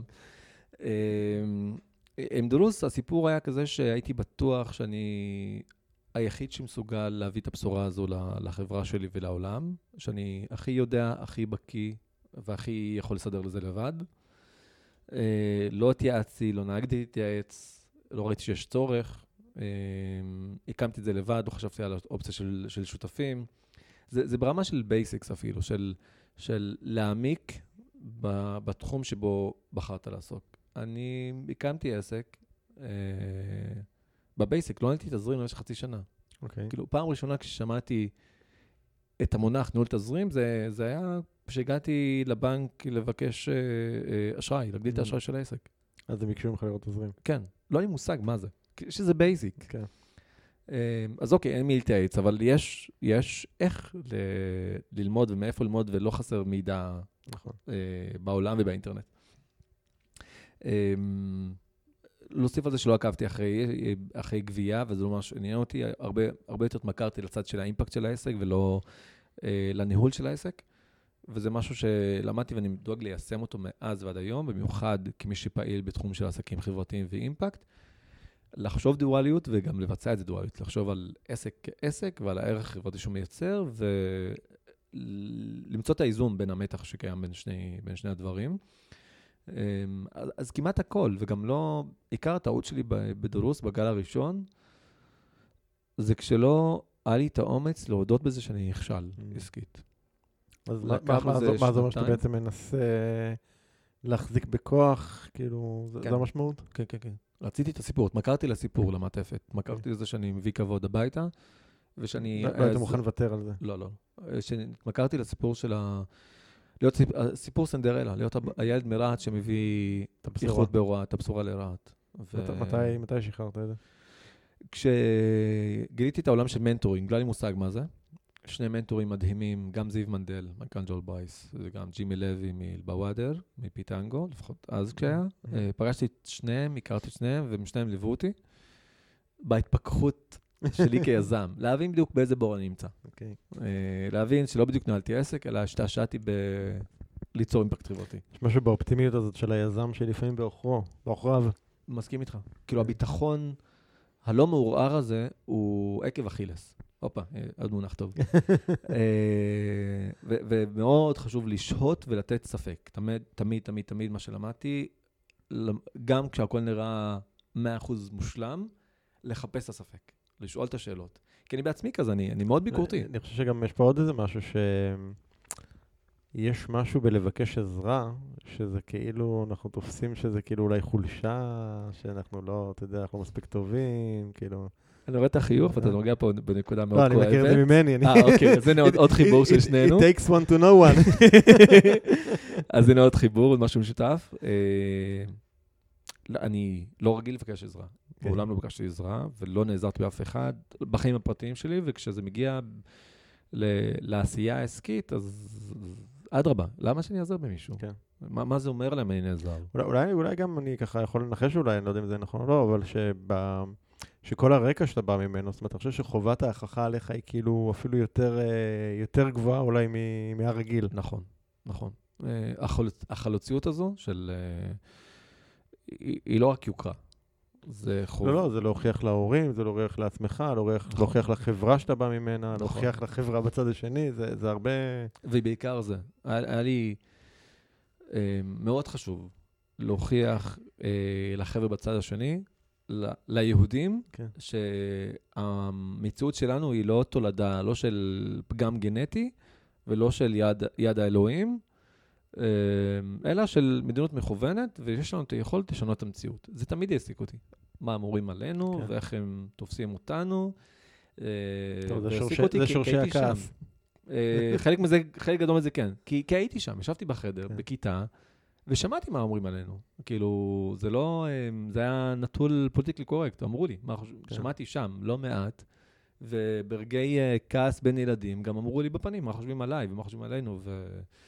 אה, אפילו גם כשיש בורות וחוסר ידע, וכשאני עונה בחיוך, אה, בפנים זה... זה, זה משאיר משהו, משאיר משהו. בטוח. ספק. גם זה שאומרים אה, כמה, לכמה נש- נשים אבא נשוי, ואיך זה שאני אה, לא חלק ממעגל הפשיעה, וכל מיני מקובעות ובורות של אנשים שהם גם... אה, זה מפריע לי. שוב, אני עדיין עונה בחינוך, אבל תמיד זה, בפנים זה משאיר משהו. אפילו היום, כשאני פוגש מעסיקים ורוצים לפרגן לי, ואומרים שהם רוצים מועמד כמוני. סליחה, כאילו, אתם מכירים אותי חצי שעה לפחות מהפגישת היכרות שעשינו, אין לכם מושג מה היכולות עבודה שלי, יכולות מעולות ויכולות נורא גרועות. כן. אבל משהו ב- בשטחיות הזו של uh, העברית השוטפת, ואולי מראה תל אביבי לפעמים, כשאני בא עם חולצה צבעונית, זה גם uh, מדליק את האנשים והם רוצים ערבי כמוני. זה לא גיוון, ש- שנופל זה גם להם- מעליב. שנופל לפוזיציה שטובה להם, כאילו. אז זה כביכול ל- לגוון, אבל באלה שדומים להם. אוקיי. אבל אם כבר גיוון, חברים, לא יכולים זה עד הסוף. כן. עד הסוף. אה, ולאו דווקא, לא רק אה, ערבי שלא נראה תל אביבי, אה, אלא אנשים עם זה להיות עם מוגבלות. ולהרגיש בלי. בדיוק. לגמרי. כדי לישון טוב בלילה. כן. אבל זה לא הסיפור. או לעמוד בסטטיסטיקה. שזה גם. או אקט יחצני. כן. ולא מעט עושים את זה. קלטנו עובדת ערבייה, ובום, זה מופיע באתר אינטרנט, והיא חודשיים אחרי זה, היא בכלל לא שם, אבל התמונה עדיין מופיעה. באתר אינטרנט. יש לא מעט סיפורים, אבל אני חושב שזה גם הרצונות הם טובים, יש פה פספוס מאוד מאוד מאוד מאוד גדול. חברות ומעסיקים שהשכילו, הבינו לעומק מה הפוטנציאל שטמון בזה, אמ, ומודעים גם להטיות שהזכרנו מקודם, ולעוד הטיות נוספות. אה, ושצריך להיות נורא פרואקטיבי ומעורב בזה, הם מרוויחים מזה. יש שוב מעסיקים שלא סובלים, או סובלים פחות מהמחסור בהון אנושי לעומת מעסיקים אחרים באותם תחומים. אתה תמצא את זה גם בבנקים, גם בחברות הייטק, גם בחברות היצרניות. חברות שהן יותר מגוונות, יותר מכילות, אה, הן סובלות מזה, המספרים שלהם הרבה יותר טובים, נתונים הרבה יותר טובים, כי זה גם בא לידי ביטוי ב... במכירות, זה בא לידי ביטוי בכל דבר. לא, לא, הגיוון, הגיוון מביא דברים, אה, דברים אחרים לגמרי. אז אני חוזר רגע לא- לאותו אה, מיזם ראשון שבעצם אה, כושל, מה, איך, אה, איך אתה, איך אתה ממשיך משם, כאילו, איך אתה, אתה סוגר, ממשיך, כן, מי כן, נאלץ לסגור. אוקיי. כאילו, די התחמקתי אז מ... מ... מהפגישות שלי עם, עם, אה, עם זיו ועם ג'ימי, כי כשהייתי צריך ל- להתכונן לפגישות ולהכין מספרים ולהכין את האקסלים, הבנתי אה, שאני כן. פה בברוך. אה, כשצד האימפקט התפתח, ובדיוק אנשים התקבלו לאקדמיה, ומנאל אבו עבד מרהט מקבל את ה-700 הראשון בחברה הבדואית, מתק- מתקבלת ל... אה, אז עוד הייתה בתהליכים לקבל בית ספר לרפואה. צד האימפקט היה מאוד מצליח, Mhm. אבל צד העסקי ממש לא. אה, וכשהסתכלתי על המספרים, ושניהם שיקפו לי שהם פה, שהם פה עסק, ושאני חייב, חייב, חייב לסגור, וגם הראו לי את הטעויות שלי, זאת אומרת, שזה גם גרם לי להבין עד כמה פישלתי, כמו העובדה שביום ההקמה חתמתי על אה, הסכמי זכיינות עם חברות, אה, כדי ליהנות מהידע והמוצ... והמוצרים שלהם בחברה הבדואית. אז כן, מצאתי את עצמי חותם על הסכם זכיינות של 65% Mm, מההכנסה. מטורף. הזוי. מה- מההכנסה, לא מהרווח. לא, לא, לא. מההכנסה. כאילו, זאת אומרת, מהפירורים אבל- שהשאירו, אני צריך לממן אני את יכול ה... לשער שכל תלמיד שרשמת הפסדת כסף. ברור. כן. אז מהשאירות שנשארו, אני גם הייתי צריך לממן את העסק, ברור. לה- לא לפתח אותו, כלום. לא נשאר כלום. ברור. לשלם משכורות וגם לעשות אימפקט. כש- כשלי היה ברור שמשפחות, ילדים ממשפחות מעטות יכולת שיגיעו ל- ל- לפתח, ה- ה- לדלת של, של דרוס, אני, אני, ברור שאני אקבל אותם. אני לא אגיד להם, תביאו כסף כשאין. אוקיי. אמ, וככה נאלצתי לסגור בעצם. אה, והיה לי נורא, נורא, נורא קשה רגשית. זאת אומרת, איך אתה קם מהמקום הזה?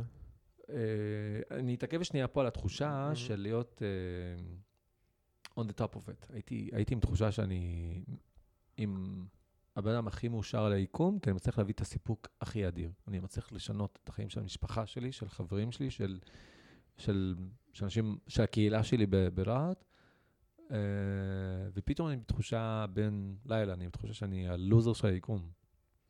זה ממש ככה, פשוט קשה, קשיתי קשה. אפילו לקום במיטה בבוקר. אני כן. חתיכת לוזר של היקום.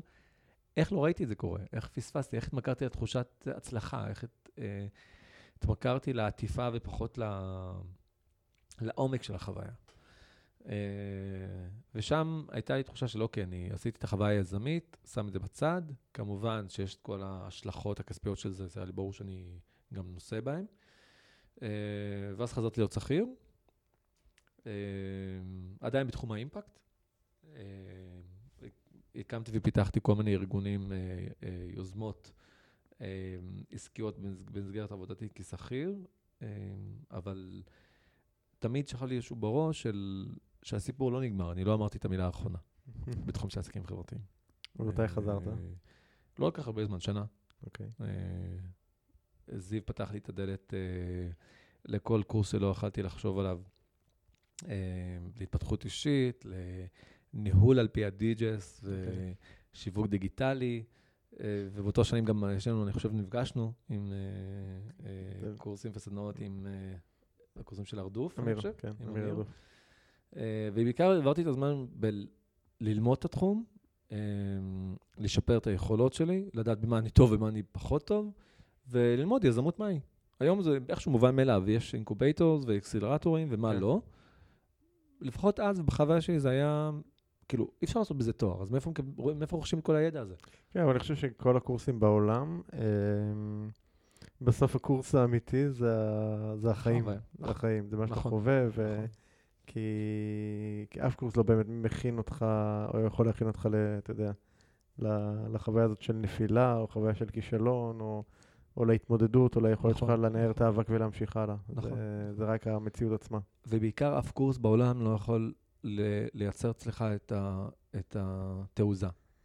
שזה בעיניי זה המרכיב הכי חשוב, הכי חשוב ל- לכל יזם, ודווקא ליזם אימפקט. אה, למרות שאין תמונת עתיד, ואף אחד לא יכול להתערב לזה שתצליח או תיכשל, או שתצליח לשנות את העולם או להרוס אותו, עדיין להעז ולצאת לדרך ו- ו- ולנסות. כן. אה, ואני עושה את זה מאז, כאילו, by, by default. אני... מהלכים שעשיתי, אני יכול לתכנן אותם, אני חושב גם על איך תראה ההצלחה ואיך תראה כישלון, ואני עדיין לא אירתע מהכישלון, אני, אני פשוט אז, אעשה אז אותם. אני רוצה רגע לדבר על זה, כי, כי באמת אה, ציינת שבאמת אה, נכשלת לא מעט. אני, יש, אה, אם אני אעשה ככה רגע ב, בשלוף, אוקיי? ככה, שתזרוק לי.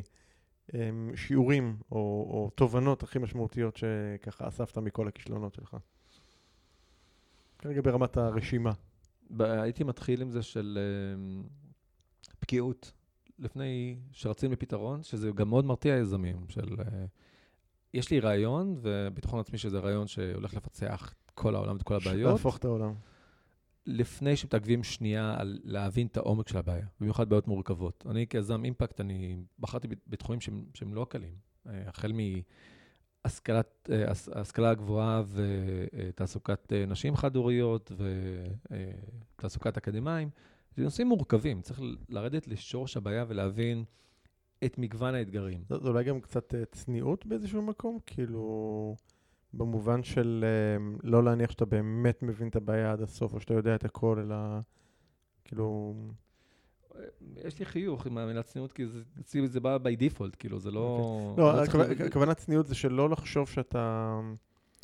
שגם אם בא לך באמת רעיון לפתרון מדהים ככל שיהיה. אז אה, כאילו, אולי, אה, רגע, בוא, בוא, בוא נחכה רגע, באמת נבדוק, אה, נבדוק את זה קצת יותר לעומק, או אולי יש פה עוד היבטים שאני לא מכיר או לא... מסכים איתך, כן, כן. כן, כן, לגמרי. אוקיי. ולהוסיף על זה, אה, תהיה בטוח תמיד, כל רעיון שלא חשבת עליו, מישהו אחר בעולם, זה- עכשיו הוא יישם. זה, אופר, כבר הדלקת אותי. לך תלמד. לך תלמד. היה לי לפני כמה ימים פגישה עם איזשהו לקוח, והוא בא במין חשש כזה, זאת אומרת, הוא, אה, יש לו איזשהו רעיון, איזשהו מיזם, והוא רצה, הוא רצה כאילו את העזרה שלי לגביו. מצד שני, הוא חשש לשתף אותי ספציפית מה המיזם, מתוך חשש שאתה יודע, ש... שיגנבו לו את הרעיון, כאילו לא אני ספציפית, אלא לא, לא, לא רק איתי הוא חשש לשתף, אלא סליחה, באופן כללי. והוא בא להתייעצות, נכון? הוא בא להתייעצות, כן. אוקיי. זה- זה בעיה, שזה כן. מעניין. לא, זה בעיה. עכשיו, עכשיו, אני אמרתי לו בדיוק על הדבר הזה, שזה, אתה יודע מה, אה, כאילו, כרגע כשזה רעיון, אחד, זה לא שווה הרבה. אה, שתיים, אני די מניח שמישהו בעולם אה, יש לו רעיון כזה או אחר דומה, ואגב, שהוא קצת התחיל לספר לי, אז מיד עלה לי בראש מישהו שכבר שלוש שנים עושה משהו דומה. ו- ואמרתי לו, כאילו, כאילו, תפסיק לפחד מלשתף את זה. זאת אומרת, אף אחד לא באמת יכול לעשות משהו עם הרעיון, כי אין לו את ה drive, את ה passion, את הלהט, את, ה- אה, את הרצון שלך לממש, או אפילו את היכולת שלך לממש את זה. אה, ודווקא כשאתה משתף, אז אתה באמת יכול לקבל עצות טובות מאנשים וחיבורים ולהתקדם. ובאמת כמה, איזה יום יום אחרי זה הוא, הוא שלח לי הודעה שהוא אמר, אני, אני מבין איזה טעות עשיתי, ואני מתנצל, ואני בפגישה הבאה, אני בא ומשתף אותך הכל. איזה יופי, לפחות את זה. כן, כי זה- לא שוק- לא של רעיונות. נכון. אה, זה, זה בעיקר שוק של אה, עניין של חיבור רגשי עמוק של מה שבחרת לעשות. רעיונות שלי בדיוק, כולם ורעיונות טובים. ולא חסר רעיונות טובים. בדיוק, ואם אין לי חיבור רגשי עמוק לרעיון, אז, אז אני לא אעשה אותו. לא, לא, כשהוא יהיה, לא. אתה יודע, זה יהיה ממש הגוגל הבא, אם אני לא, אם, אין לי חיבור רגשי אליו, אז, אני לא אעשה אותו, אז, זה בדיוק העניין. ושלא יהיה לך חיבור לגוגל. לא מומלץ. אמ, אז, אני חושב שזה בעיקר זה, זה אמ, לערער את הביטחון של אתה אמ, הכי בטוח והכי יודע ואתה הכי מגובש ויודע גם איך להוציא את זה לפועל, וזה גם מחבר, מחבר אותי לשני אמ, אה, תובנות אה, נוספות. הראשונה, שזה לא לרוץ לבד, תמצא את. הפרטנר. כן. אה, מאז אותה חוויה בדולוס, אני לא רץ לבד. לאחרונה אני רץ עם דבורה, אה, ובכלל מוקף בנבחרת הכי טובה שאני רק יכול לח- לחלום עליה. אה, הצלחתי לגייס אה, רשימה של משקיעי impact נהדרים שהם מעורבים ועוזרים לי לפצח את מה שבאנו לפצח, את התעסוקה של אה, אקדמאים ערבים מנוסים, ושמות נהדרים. אני אעשה פה קצת name dropping. קדימה, לך. היו"ר שלנו הוא זאבי ברגמן, מנכ"ל קומברס לשעבר, מנכ"ל נייס, ה chairman של Galil Software. הוא, הוא צ'יירמן שזה, הוא חלום של כל יזם, אה, שיש מישהו לידך שגם אה, יודע לשאול את השאלות הקשות, כן. עם הניסיון, הקשרים, ועם הניסיון הידע. והידע, והוא פותח דלתות, וגם אה, להגיד לך, זה בסדר ילד, אני פה, אל תדאג. אלה אלקלעי מ-IBI, אה, אלן פלד מווינטג', שהוא בכלל, הוא, הוא עם לב בגודל של יקום שלם. כמובן, שני חברים עיקריים שלי, שהם אה, זקי דיאב, עורך דין זקי דיאב, ואסד ג'ובראן. אה, אילון סלאטר, שהוא גם יועץ אה, ארגוני, ורסאן אבו נסאר. נבחרת של אנשים מרשימים, שכל אחד עשה המון בחיים שלו. הם מאמינים בחזון, ובגדול, כשבאתי אליהם, לא היה לי רעיון של, לא היה לי מוצר ביד. כן. של איך אני בא לפצח את מה שגדולים ואחרים ממנו ניסו לפצח ולא הצליחו, אבל חיבור כן היה לי לזה. עמוק. וזה כנראה שזה מה שהם ראו בך גם. כן, זה מה שהדליק אותם. כן. כן, כן, לגמרי. אה, שזה הנבחרת, וכשאני אומר על, על, על, על חיבור של פתיחות ללמידה ו, וגיוון, אני למדתי מ- מיזם חרדי בכלל, אה, שפתח לי את הדלת, הקים מיזם דומה בחברה החרדית של תעסוקה, העברתי שם לא, לא מעט זמן. מדהים. אה, ללמוד על, מורכב, על המורכבות, על ההשתלבות, על האיתור של המועמדים. זה בית ספר. כן. כשמדברים על גיוון זה לא שטחי, זה, זה אוצר שאפשר ליהנות כן. ממנו. אה, ואני אני חי גיוון, נושם גיוון, נהנה מגיוון. הרמת לי להנחתה לשאלה הבאה. אז רגע, אני מתחיל ללחץ. כי זו שאלה הבאה שרציתי לשאול, ונגענו בזה בהתחלה, שבאמת כל, ה, כל המיזמים והעסקים שהקמת וכל מה שעשית ושאתה מעורב בו לאורך השנים, מאוד מאוד מגוון. כן. מאוד מאוד מגוון, אז אתה כאילו, הרובד הזה של הגיוון הוא מגיע בהמון המון המון אה, אה, רבדים אצלך בחיים. כן, כן. אה, תרשה לי שנייה לערער את זה, זה אוקיי. מגוון ברמה של תחומים, מגוון ברמה של, עשייה, אבל הכל נעשה בחברה הערבית. לא עשיתי שום דבר עד עכשיו שהוא כלל חברתי. אוקיי. אה, אתה רוצה בכלל? זה- כרגע מעניין אותך? לא. לא, לא, זה מחבר אותי סבבה. חזרה לרגשות ולכעס. אני, אני כעוס על הפערים בינינו, וזה מה שמעסיק אותי, כן. ובזה אני... ואני חושב שזה הדלק שלך באיזה מקום. לא? נכון, זה הדלק. נכון. עכשיו, אני, אני מעורב, אני מגיע לתעשיות, וכמו שאמרתי, יש לי רשת מגוון של חברים ושל של קולגות. כמו שאני נתרם, אני גם תורם ומגיע ומתייעץ איתם ופותח דלתות ו- ועוזר, אבל אני לא בוחר בזה כמקצוע. גם אם אני אתחיל, יחליט בשלב מסוים של החיים לזוז הצידה ולהיות שכיר, אז כנראה שאני אבחר בסוג של משרה שפונה לחברה הערבית. אוקיי. אה, מכל הדברים שעשית, במה אתה הכי גאה? אני עכשיו הולך לשאול, כאילו, תבחר לי את הילד האחד. אני חושב שמה שאני עושה עכשיו, טאלנטים. טאלנטים, אוקיי. אה, זה, זה, זה משנה סדרי עולם. אה, אני חווה את זה עכשיו. האימפקט, ההשפעה של זה. האימפקט, כן. זה, כי יש פה דאבל אימפקט. ברגע שטאלנט ערבי נקלט למקום עבודה, החיים שלו עוברים שינוי. הסביבה אה, שלו. סליחה? וגם כל הסביבה שלו. נכון, בחברה הערבית, כן. החל ממשפחה ואיזה אימפקט ורול מודל זה מייצר בתוך החברה נכון. הערבית. מוטיבציה לאחרים. זה, זה, זה משנה, לגמרי משנה, והמעסיק שלו ומה קורה בחברה, זה הכתרת אירוע. אמ, זה לייצר את הקרבה הזו לייצר את הפתיחות הזו ולהנכיח, להנכיח שיח. וליהנות מהגיוון הזה שדיברנו עליו. נכון. אמ, לכן, וזה גם שינויים שהם לא עתידיים. זאת אומרת, לי יש את הפריבילגיה להיות מעורב ב- ב- בתהליך ולראות את זה קורה תוך חודש. אתה רואה את הפירות מאוד מהר, נכון. מדהים. וגם לקבל לאחר מכן, אני, אנחנו ממשיכים להיות מעורבים בטאלנטים יחד עם הלקוחות והמועמדים, אז אנחנו ממשיכים ל- ל- לראות את הפירות, לקבל את הפידבק. אה, הש... אתמול רביעי הייתי בפגישה אצל לקוח שלנו, אז ראיתי השמה של בחור שעשינו אה, לפני שנה. אה, הבחור הזה על הנייר לא היה מתקבל למקום העבודה. זאת אומרת, הניסיון שלו והכישורים שלו לעומת ה-job description, הם לא, לא מדברים אחד עם השני. כן. אה, ולכן הוא גם לא עבר את הסינון הראשוני של אה, רעיון טלפוני. התעקשנו נורא שהמנהלת המגייסת תפגוש אותו. במצגת של סוף שנה, עומד בחור צעיר מיפו על הבמה, ונותן פיץ' מטורף, מצגת שהוא הכין בעצמו, באנגלית שוטפת, מרשים את כולם, והוא סוג של אה, ההירו של הארגון, מדהים. הטאלנט של הארגון, מדהים, וזה בדיוק מה שזה מייצר. אין מילים. אמ, אז הנה משהו שכנראה לא הרבה אנשים יודעים עליך, וככה בתחקיר אה, המקדים ש- שעשינו, אז אה, יש לך הרגל להאזין כשאתה לבד לשיר You can get it if you really want של ג'ימי קליף. אה, אגב, שיר שלא הכרתי. אה, עכשיו, לי, הייתה לי מחשבה להביא את השיר ולהשמיע אותו פה, אבל אז הבנתי שיש פה עניינים של זכויות יוצרים, אז uh, יש לנו שתי אופציות. שאני אשיר אותו? או שאתה תשיר אותו, אוי, לא. בדיוק, או שאתה תשיר אותו, או שאני פשוט אקריא כמה משפטים מהמילים כדי להסביר לה, ככה למי ששומע במה מדובר, אז מה... אני אתן לך את הבמה.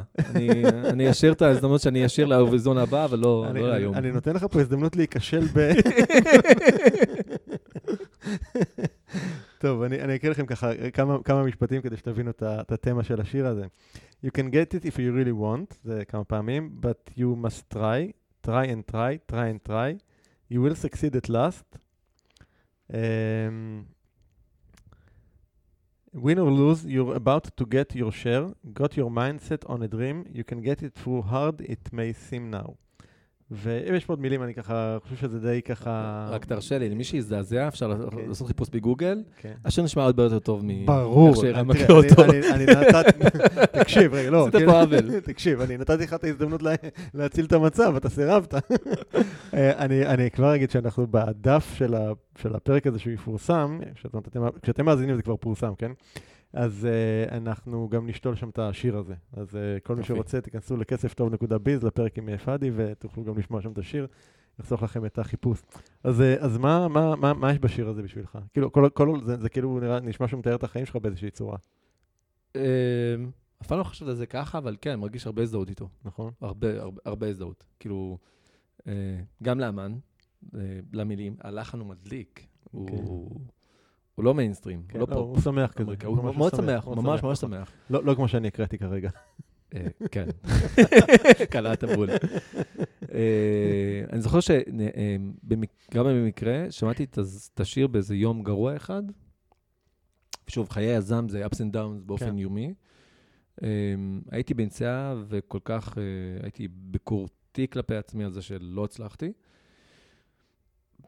פתאום ברקע אני, אני שומע מוזיקה נחמדה, שמחה, ואז מקשיב למילים, התמכרתי. וואלה. אה, מיד גם חיכיתי שהשיר ייגמר ושיגידו מי זה, מה זה. זה. אה, זה עוד אה, הרבה לפני השזם. שזם, כן. כן. אני זוכר, עצרתי בצד וכתבתי שלא יהיה מצב שאני אשכח. ופשוט כשהגעתי הביתה, הקשבתי פעם, פעמיים, שלוש, ומאז השיר הזה מלווה אותי גם ברגעי כישלון, וברגעים של, שאני רוצה לראות את את המצב רוח לקראת גם משהו גדול. אה, עכשיו, לא מזמן ש- אה, שמעתי את השיר לבן שלי. הוא גם אוהב, אוהב מוזיקה. הוא נדלק. כן. הוא הוא ממש אהב אותו, נדלק. הוא מן הסתם גם לא הבין את המילים, כן. אבל השמחה של השיר כנראה הדביקה אותו. אה, זה גרם לי כזה לחשוב, הבחירה הייתה מעולה. כנראה שזה, כן, הסוד שלי הוא- הוא משפיע גם משפיע גם על עליו. מי מי האדם שהכי השפיע על החיים שלך? מה למדת ממנו? אמ, יואו, אין לי בן אדם ספציפי, אני חושב שבכל שלב כזה או אחר. היה היה, מישהו. היה את הבן אדם שהרצתי, ולראות אותו... אני לא מעריץ אנשים שהם אה, דמות לחיקוי שהיא רחוקה. אני צריך להתחכך עם אנשים לא, ולראות לא, אותם בזמן משהו, פעולה. כן. הרבה מזה זה סבתא שלי, שמאוד נוכחת, כאילו, מאוד טוב לב. זה, זה אולי יישמע כמו כל בן אדם שמתאר את הסבתא שלו, אבל הסולטנה שלי מנצחת את כל הסבתות בעולם. אה, טוב לב, בקיאות, היא, היא ידעה, לש... ידעתי לשתף אותה בסודות, ועם החיוך הזה של אני יודעת מה קורה, והכל טוב, כל מיני סיפורים כאלה, ושאני אני בסדר, אני, אני פה דואגת לך. אה, זה, זה ברמה האישית, אני מעריץ מאוד את, את חמי. אה, זה, הוא פשוט פליאה של, של האנושות, הוא אבא נהדר ו, ואיש דגול ו, וחבר יקר. אה, היום אני נורא מעריץ את, אה, דבר, את דבורה, שותפה שלי, לראות אישה שהגיעה בכלל מארגנטינה, עברה הרבה חוויות דומות, ששם לא קיבלו אותה ופה לא קיבלו, קיבלו אותה, והיא עדיין עם מבטא. אישה עוצמתית ב, ב, ב, שעשתה קריירה בסביבת גברים, כאילו רוב הסקטור הפרטי, אה, בעמדות ניהול. אין הרבה נשים סביב השולחן, וזה עדיין לא מרתיע אותה. כן. אני מסתכל עליה בהערצה, ואני גם רואה איך היא מתמודדת עם, עם, עם סוגיות, אה, וזה מדהים אותי. אה, להסתכל על זה וללמוד ממנה. אה, בשלב של התיכון, בעיקר כשהגעתי לכפר הירוק, למדתי מהנד. הנד אל פראונה, מי שאז התחילה ברהט, היום היא רופאה שעושה עכשיו התמחות, והיא בכלל נישאה לגרמני, בת לשתי בנות מדליקות, יפות, ומנהלת החיים שלה בין רהט לבין גרמניה, יחד בן הזוג שלה. Uh, כאילו, התעוזה שיש ה- הרכות, שזה לא אירוע, זאת אומרת, אה, זה לא סיפור... אה, שטחי ש- בעצם אם אני מקשר למה שהסברת בהתחלה, זו זו שב- שמשכה אתכם לכפר הירוק. נכון, נכון. אוקיי, אז- ואיך שהיא עשתה את זה כזה, מדליק פה, תגיעו. וידעה בדיוק מה היא עושה. אוקיי. כאילו, הרכות הזו בלעשות שינוי עומק ברכות, הוא, הוא מדהים, זה, זה רק הן יכולה לעשות. הן זה אסכולה שלמה שכל העולם צריך ללמוד ממנה איך, איך עושים את זה. אה, ובכלל, סיפור החיים שלה נורא מרתק. אה, אז בהקשר של התמודדות על, על מעברים, על, על, על חיים, על קשיים יומיומיים, אני, אני לומד מהן, אני מסתכל עליהן ואני בעיקר מעריץ אותה. אמ, ובמה שקשור ליזמות אימפקט, אמ, אמה לסאנה, אמ, היא יזמת ערבייה בדואית, הקימה אה, ארגון בשם, אה, בשם אג'יק, שבו התנדבתי כילד ועבדתי במשך תקופה. היום היא בעיקר מתמקדת במשבר, במשברים, משבר הפליטים במזרח התיכון. היא דמות להערצה. היא גם כן... אגב, ש- תוך כדי שאומר את זה, יש משהו במרכיב הנשי. אני כן. נוטה להעריץ נשים. יכול להיות כן. שבגלל שאני מודע שלהן קשה יותר ושהן פחות פריבילגיות מ- מאיתנו. כן. אה, אה, אמל זה פשוט אה, לסגוד לה, זה דמות בולטת, חזקה, רכה מצד שני, יודעת לעשות את השילוב להיות אה, הבת של השייח מלקיה, אה, החוקרת אה, אה, מגוויל בקנדה, היזמת, מגוון כזה של, של דברים, סעד של דברים. הרבה כובעים. כן, כן, ולנהל אותם בלי, בלי מתח ביניהם, שזה זה בדיוק האירוע, של לדעת לנהל את הכובעים האלה. כאבא אני מאוד רוצה להיות כמו חמי, כיזם אני רוצה להיות כמו, כמו אמל, כאיש עסקים אני רוצה להיות, להיות כמו דבורה, אה, וביום-יום להיות כמו הנד. זאת אומרת, בכל מגוון אני מסתכל על זה ואני אומר, אוקיי, זו הדמות. מדהים. Um, יש איזה ספר שקראת ש... שהשפיע על חייך באיזושהי צורה? אמ, אני בטוח שכן, אני כבר לא זוכר מה עניתי. עניתי על זה בכלל בתחקיר? ברור שענית. לך רמז? אולי כן, אני מתחיל לחשוב עכשיו קשור להורות, קשור להורות. אה, אינטליגנציה הבאית, נכון, נכון, נכון. יואו, חתיכת ספר. הייתי נורא בלחץ בזה. מ- מ- מהאבהות. כל כך רציתי להיות אבא. כל כך, כל כך רציתי להיות אבא, אבל לא ידעתי איך עושים את זה נכון. אה, שוב, הסיפור שלי עם אבא שלי הוא לא... האמת שיש בזה משהו, אתה יודע, אף אחד לא מלמד, אנחנו לא לומדים את זה בשום מקום. לא, לא בפן הפרקטי, כי אבא, עם כל האהבה שלי לאבא שלי, לא תמיד היה שם. כי בכל זאת, המסלול שבחרתי בחיים הוא שונה מהמסלול שהאחים והאחיות שלי בחרו. זה זר לו. אז... אמ, וגם הייתי ילד בעייתי, נודה על האמת, הייתי... לא היה גל, כן. לא היה קל לחנך כן. אותי ולגדל אותי. לא הלכת בתלם. בעיקר לא הלכתי לא. בתלם, זו הייתה ההתמחות שלי. אז, אז הייתי ב, ב, נורא בלחץ של אה, לדעת איך גדלים להיות אבא טוב, במיוחד כשאתה קרייריסט, ועם הצורך, של, עם שילוב של אה, אה, חיי משפחה ועבודה, ו... ו כשאתה לבד, אני, אני חי עם בת הזוג שלי בירושלים ולא ברהט, המשפחה שלי לא, לא נמצאת שם. אה, וגם בכלל, תקופה של הריון ואבהות, והורות, סליחה, אם מסתכלים סביב, סביב על סדרות ו- ועל על ספרות, הרוב מדבר על, על סיפורי סנדרלה, עד כמה כן, זה יפה ונהדר, נכון. ואף אחד לא אומר לך עד כמה את- קשה. את השיט. לגמרי. חוויתי את זה עם- עם דוניה, כשחיפשנו, היא רצתה גם לחקור את מה שהיא עוברת. כן. מעט מאוד תוכן מדבר על, על הקושי, על הסבל, על, ה, על אי-הוודאות, על הפחד, על החשש.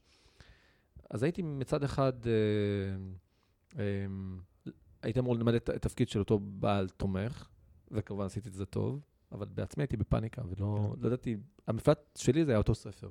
אוקיי.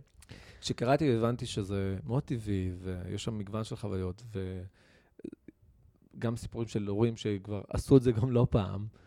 אה, מאוד התחברתי, מאוד מאוד התחברתי לספר. תגיד, אם הייתי יכול לארגן לך שלט חוצות ענק במרכז המדינה או מרכז העולם שכולם יכולים לראות, מה המסר שהיית מפרסם עליו? שהיית כותב עליו? וואו.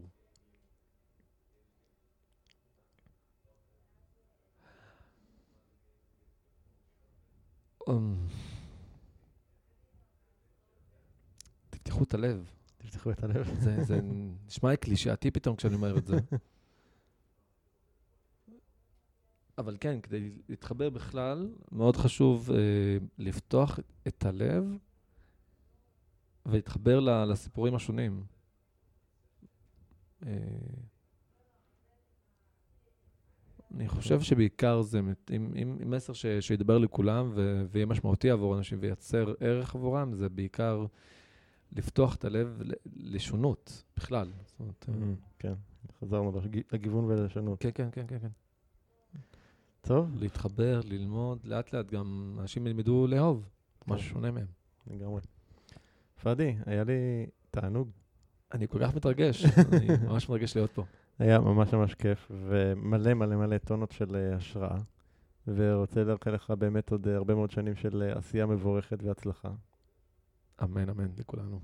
תודה רבה. תמשיך לעשות מה שאתה עושה, ואם בא לך איזה פעם מחליף, אני אשמח. לי תזכורת, אתה עושה כן. משהו מדהים, מדהים, מדהים, ממש כיפי. תודה רבה.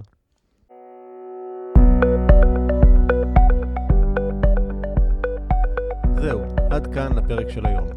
אם אהבתם את הפרק, אל תשכחו לדרג את הפודקאסט שלנו ב iTunes, Google Podcast, Spotify, Stitcher, SoundCloud, YouTube ובכל פלטפורמה אחרת שדרכה אתם מאזינים לנו כרגע. תוכלו למצוא באתר הפודקאסט כספטוב.ביז את כל הכישורים הרלוונטיים לפרק הזה. שם גם תוכלו להירשם לפודקאסט ואנחנו נשלח לכם תזכורת בכל פעם שאנחנו מעלים פרק חדש. נרשמים באתר כספטוב.ביז. אני מזמין אתכם לכתוב לי תגובות, מה אהבתם, את מי תרצו לשמוע בפרקים הבאים, או כל הערה אחרת שיש לכם. מוזמנים לשלוח לי ישירות למייל ערן את כספטוב.ביז או בפייסבוק שלי facebook.com/ערן פנפייג' וחבר'ה, אל תהיו קמצנים, שתפו עם החברים שלכם. מה, לא מגיע להם גם ליהנות ולהפיק ערך? אני ערן שטרן, שמח שהאזנתם לנו ונשתמע בפרק הבא.